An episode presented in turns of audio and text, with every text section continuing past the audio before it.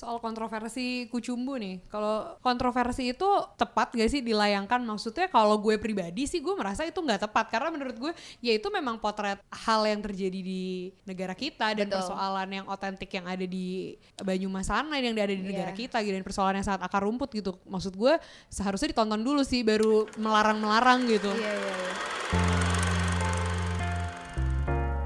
Halo, selamat hari Selasa lagi. Selamat datang di podcast penonton bayaran bareng gue Saras. Em, hari ini lagi-lagi kedatangan tamu yang spesial dan istimewa banget nih. Wow. Terharu aku.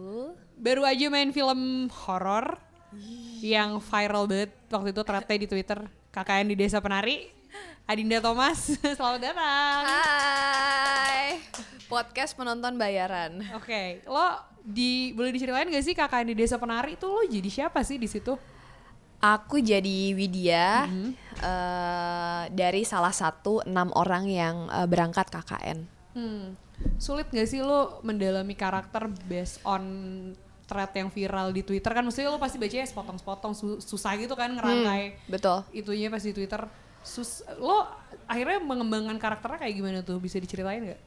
eh mengembangkan karakternya tentunya berjalan dengan proses, juga dibantu support eh, sama teman-teman, ada waktu dan kesempatan untuk reading, juga ada coach yang ngejagain. Selain itu juga ada teman-teman di eh, lokasi yang memang base-nya orang Jawa. Well, aku kesusahan banget untuk jadi Widya. Kenapa? Karena saya orang Sunda. aku tuh orang Sunda makanya agak susah untuk eh, maksudnya terbiasa untuk ngomong aku bukan gue lo gitu. Maaf Oh. banget. Eh, jadi eh jadi Widya untuk jadi orang Sunda tuh kemarin pas waktu lagi ngomongin latihan dialek sampai Hono Coro Kodoto so itu tuh latihannya tuh bener-bener kayak terus terus terus terus sampai sebelum scene pun dimulai gitu beradegan waktu pas udah proses syuting itu baca dulu si aksara Jawa itu Hono Coro gitu-gitu kan. Supaya mulutnya o gitu supaya kalau ngomong orang Sunda iya punten naon gitu kan. Ada ada gelombang gitu loh kalau ngomong. Nah kalau orang Jawa kan apalagi ini Jawa Timur gitu Surabaya yang kayak kon kenapa? Bener-bener kayak itu aja kenapanya masih Sunda nih karena aku udah Ah. lepas dari karakter Widya. Jadi ada penekanan-penekanan yang eh itu itu tuh belakangnya masih ini masih itu gitu kayak eh, susah banget jadi untuk jadi orang Jawa dan aku sempat kayak aduh bisa nggak ya gue jadi orang Jawa? Sementara eh, itu tadi ada beban sedikit eh, tanpa disadari gitu walaupun kita sok-sok denying gitu. Tapi ini cerita udah viral banget gila loh gitu. Jadi Widya lagi kayak "Ah, ampun gimana ya bisa nggak ya? Gitu. Agak-agak pressure banget sih. Selain itu karakter Widya tuh sangat-sangat berwarna dibandingkan aku nggak mau bandingkan sih maksudnya dibandingkan karakter eh, yang pernah aku mainin layer emosinya Widya tuh masya Allah deh gila Eh, Berarti lo lumayan capek ya memerankan si Widya ini Parah. dengan layer emosinya yang Parah. bertumpuk-tumpuk itu. parah banget parah banget parah banget Ini karena KKN di Desa Penari di ceritanya di Jawa tentang penari juga ada satu film di tahun lalu rilisnya Iya. tentang penari juga dan big, apa namanya settingnya juga di Banyumas di Jawa Tengah. Mm-mm. Judulnya Kucumbu Tubuh Indahku. ya Adinda Thomas kayak baru nonton kan ya? iya udah lumayan lama sih eh, tapi film terakhir yang aku tonton eh, filmnya Mas Gari Nugroho itu ah, ah. Kucumbut Tumbuh Indahku Nah gue pengen tahu nih pendapat lo gimana sih soal film itu? Wah, that's art. Itu baru film Indonesia yang patut diapresiasi sama kita semua. Maksudnya uh, depends on dari kita agama apa atau punya pandangan dan batasan-batasan tentang perspektif. uh, uh, dan menurut aku perspektif tuh seksi banget ya sebenarnya tanpa batas gitu. Cuman ini sebuah karya Indonesia yang harusnya kita bangga ada film seperti ini di Indonesia gitu dengan set yang luar biasa dengan eh, tanpa ada batasan eh, yang harus disampaikan dalam dialog dalam beradegan yang oh my god itu sangat cantik sangat indah sangat sangat tanpa aku nggak pernah duga sih aku bakal nonton film itu. Jadi aku sangat sangat seneng banget bisa nonton filmnya Mas Gari Nugroho. Dan sebenarnya kan itu film tahun lalu bener ya? Tapi sudah apa di beberapa bioskop di Indonesia tuh ditayangkan juga. Ditayangkan cuman ulang gitu ya? Iya, ada beberapa kota juga yang menolak penayangan film ini karena mungkin eh, satu dan lain hal ya alasannya. Cuman kalau ditanya gimana kayak ini adalah film yang sangat indah dan sangat penuh dengan rasa seni yang mereka tampilkan dari dialog, dari artistik, dari adegan, dari macam-macam dan talent-talent yang ada di dalam situ. Wow, gila sih. Big applause. si Muhammad Khan ya bagus Ya, banget bagus parah dia banget. bisa menginterpretasi si Arianto eh si Parah, Arjuno dengan parah baik gitu banget. buat yang belum nonton nih gue ceritain sedikit kali ya sinopsisnya Hmm. ceritanya tuh eh, jadi film Kucumbu Tubuh Indahku ini terinspirasi dari eh, kisah hidupnya Rianto dia tuh penari eh, lengger Hmm. yang sekarang tinggal di Jepang jadi ceritanya sih sebenarnya tentang kayak coming of age gitu ya maksudnya dari dia kecil terus dia jadi Iya. dewasa sampai akhirnya dia jadi Proses penari hidupnya lengger gitu ya. proses hidupnya dia cuma isu yang ada di dalam film itu banyak banget Iya. bagaimana kalau yang gue tangkap di situ tuh mau nunjukin kalau ya seksualitas itu fluid jadi Iya. di dalam tubuh seseorang tuh bisa ada eh, gender tuh sangat amat fluid gitu. Jadi kayak kayak leng da- leng sama ger gitu loh yang si bapak-bapaknya itu ngomong kan di awal kayak bisa ada maskulin dan feminin dalam satu waktu di tubuh yang sama gitu. Iya, iya, iya. itu film yang patut banget ditonton sih. Karena apalagi di Indonesia kan maksudnya isu tubuh dan isu seksualitas tuh masih jadi yang tabu. banget sangat tabu maksudnya padahal tuh di luar negeri atau orang-orang maksudnya sekolah internasional bukan aku gimana ya cuman kita tuh butuh eh, menjadi open minded gitu Hmm. untuk menjadi sesuatu yang lebih besar lagi karena dengan open minded kita bisa melihat sesuatu tuh lebih luas tanpa terkungkung banyak hal Hmm. menurutku nah eh, di- sebenarnya di di sekolah-sekolah internasional kalau aku nggak salah ya banyak saudara-saudaraku yang masih kecil gitu. Mereka udah dikasih tahu tentang sex education gitu. Be- dan juga eh, tentang ah, apa hal yang masih tabu di Indonesia tuh masih udah dibahas gitu. Tapi dibeli- diberikan opini-opini yang masih make sense gitu tentang ya itu kan edukasi gitu ngomongin edukasi. Karena kalau nggak diedukasi mereka akhirnya nyari tahu sendiri dong di luar gitu. Nah eh, tapi aku bukannya kayak gimana-gimana karena ini budaya juga di Indonesia jadi maksud aku sebenarnya film-film atau karya-karya seni yang seperti itu patut sekali untuk kita apresiasi. dan ditampilkannya dengan cantik gitu ya maksudnya Banget. dengan gambar yang sangat amat cantik dengan Iya. lagunya Mondo yang apatis sama apa Aduh kalau ngomongin Itu- karyanya Mas Gari Nugroho Itu sih kita bagus udah banget udah sih. deh. dan di umur segitu Garin risetnya tuh masih tajam banget Tajem gitu banget. tentang lengger Iya. Eh, dan maksud gue gue ngelihat selain isu seksualitas tuh di situ juga ada isu soal politik kan kayak apa ada jadi si Arjunonya itu ditinggal orang tuanya karena uh, pembantaian 65 Iya. terus dia akhirnya uh, Lengger itu dijadiin alat untuk kampanye ya kan Iya, bener akhirnya banget. sama si Tengku Rifnu Wikana itu Iya tapi Jadi- akhirnya disuruh disingkirkan juga Iya. tuh benar-benar karena ya isu politik itu tadi gitu. Cuma keren sih eh, tadi bener si risetnya Mas Garin tuh masih detail banget ya di zaman sekarang ya. Aku maksudnya kita jadi ada edukasi tentang tarian itu nggak sih? Di di kala kita kayak kadang-kadang menganggap sebelah mata gitu loh tentang kearifan budaya yang kayak gitu-gitu. Banyak juga kan tarian-tarian yang eh, sebenarnya mungkin bisa kita jadinya cari tahu. Akhirnya aku pribadi setelah nonton itu aku akhirnya cari background-background eh, tari daerah yang lain. Misalnya ada tari merak dari Sunda ada tari piring. Itu tuh kayak gimana sih? Kayak kok bisa sih sampai terjadi ada tarian itu kan jadi pengen tahu background story-nya gitu jadi apa ya menyadari juga bahwa Indonesia gila beragam banget. Beragam banget. Beragam banget. Lo sebagai maksudnya orang yang tidak tinggal di Banyumas terus mungkin kayak tidak mengenal tarian lengger gitu lo ketika menonton Kucumbu tuh bisa ngerasa relate gak sih dengan filmnya? Relate sama filmnya. Enggak sih aku cuman jadi bisa ngerasa oh ini Banyumas tuh kayak gini banget ya gitu. Tapi kalau relate ke something sih enggak sih cuman eh, apa yang disajikan di film tuh bener-bener aku ngerasanya dibawa masuk ke dalam film itu bener-bener kayak ada yang bikin ya kam- di belakang kamera tuh aku gitu sebenarnya Ah. lagi nonton jadi kayak dalam banget sih semua ceritanya walaupun eh, potongan-potongan ya dia sempet kayak muncul ke sana muncul ke sini ke cerita dia kecil terus ke besar lagi. Cuman eh, aku ngerasa semuanya tersampaikan dengan bagus banget sih. Indah indah banget.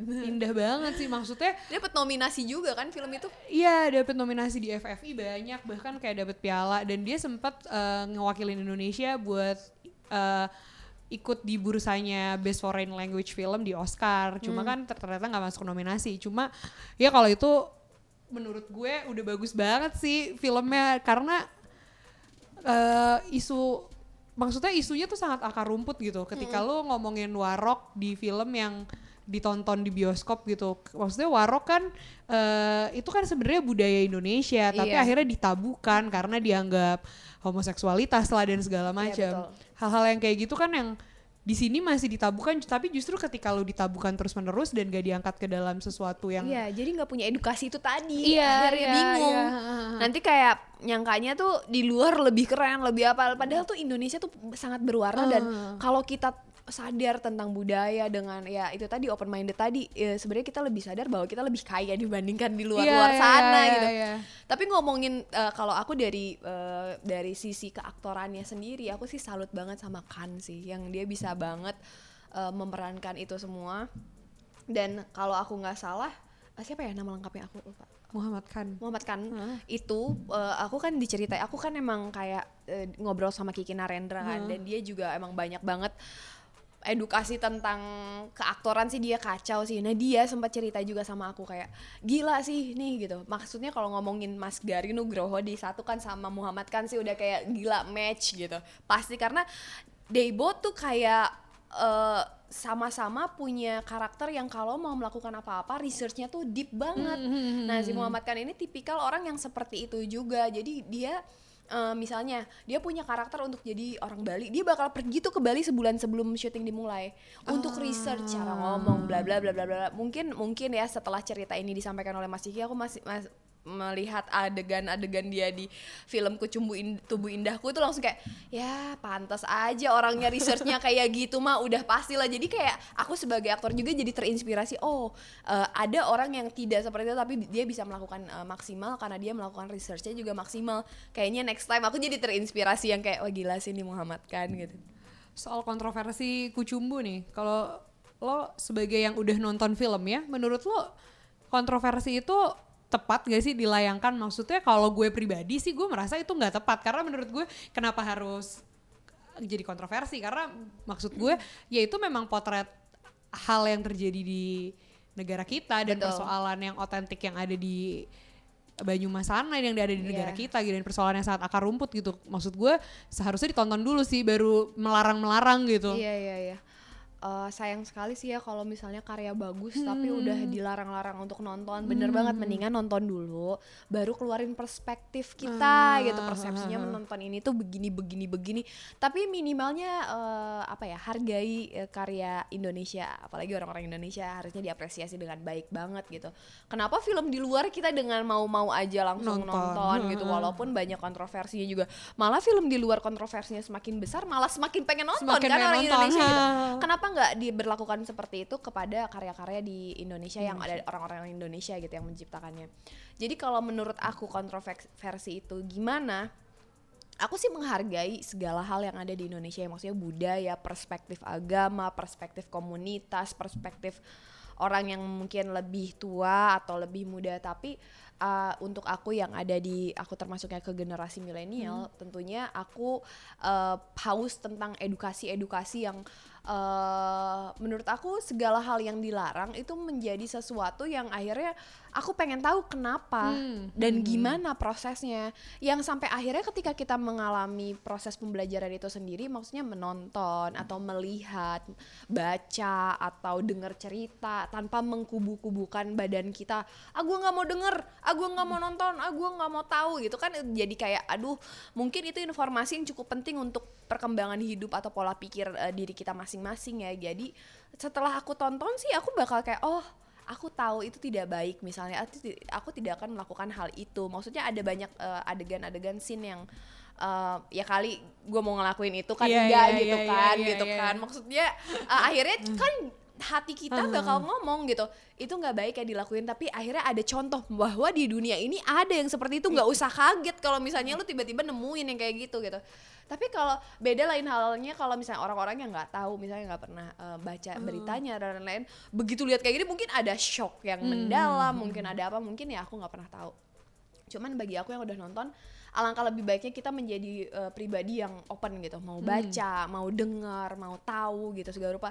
Eh, nggak usah coba. Kan yang penting mau Iya, baca iya, mau iya, tahu mau nonton dan lain-lain dulu dong gitu. Kalau mau coba kan itu udah lain lagi gitu. Itu udah keinginan diri sendiri yang eh, mau menjadi pelaku ya. Ini kan kita mau jadi observer kan kita ngomong dalam hidup untuk apa? Untuk pribadi yang lebih baik gitu. Berarti emang kalau misalnya sebaiknya nggak dilarang dan kayak kalau misalnya lo tahu ken, uh, untuk tahu lo kenapa nggak setuju tuh lo emang harus tonton dulu. Iya harus Baru nonton dulu. Maksudnya enggak gitu. kalaupun gak setuju ya udah untuk Iya. diri sendiri, tidak usah memaksa orang lain yang mungkin Yang dia punya setuju, perspektif uh. lain gitu. Eh, karena eh, setiap orang tuh beda-beda dan kita harus menghargai gitu loh. Orang tuh Hmm. beda-beda. Kita nggak bisa ngatur semua orang seperti yang kita mau. Kita sukanya kopi, orang tuh harus semua minum kopi kan nggak mungkin ya. Kalau orang yang mau minum teh atau air putih kenapa enggak gitu. Tapi seenggaknya dia udah coba kopi, oh nggak enak kopi ya udah gitu loh. Maksud aku kalau ada sesuatu yang tidak baik ya boleh di share tapi pendapat dan opini saja tidak usah Hmm. melarang gitu Oke, seru banget nih ngobrol sama Dinda. Makasih banyak kalau udah datang ke podcast penonton bayaran hari ini. sama-sama podcast penonton bayaran udah mengundang aku Ada pesan-pesan gak nih buat eh, calon-calon penonton KKN Desa Penari yang Apa mau ya? disampaikan? aku sih eh yakin semua teman-teman eh, produksi talent we, we'll do our best gitu ya melakukan yang terbaik untuk menciptakan karya di cerita yang cukup viral ini gitu. Eh, aku tahu sebagai pembaca karena aku juga hobi baca jadi eh, pasti imajinasi kita berkeliaran dan sangat warna-warni gitu I believe that. Tapi eh, kita semua di produksi KKN ini menciptakan karya semaksimal mungkin dan kita sudah melakukan memberikan yang maksimal juga. Jadi harapannya ada rasa dan makna yang bisa tersampaikan dan juga ada kreativitas yang bisa kalian sampaikan juga setelah menonton. Maksudnya sharing informasinya menjadi pengguna sosial media yang kreatif informatif gitu. Menyampaikan bahwa pesan ini tanpa spoiler gitu. Film ini ya silahkan ditonton karena ya kita sudah melakukan maksimal supaya apresiasi dari kalian lebih terasa karena kalian menghargai film-film Indonesia gitu aja kebanyakan ya maaf ya Gak apa-apa, gak apa-apa. Oke, sampai ketemu lagi di hari Selasa berikutnya. Dadah. dadah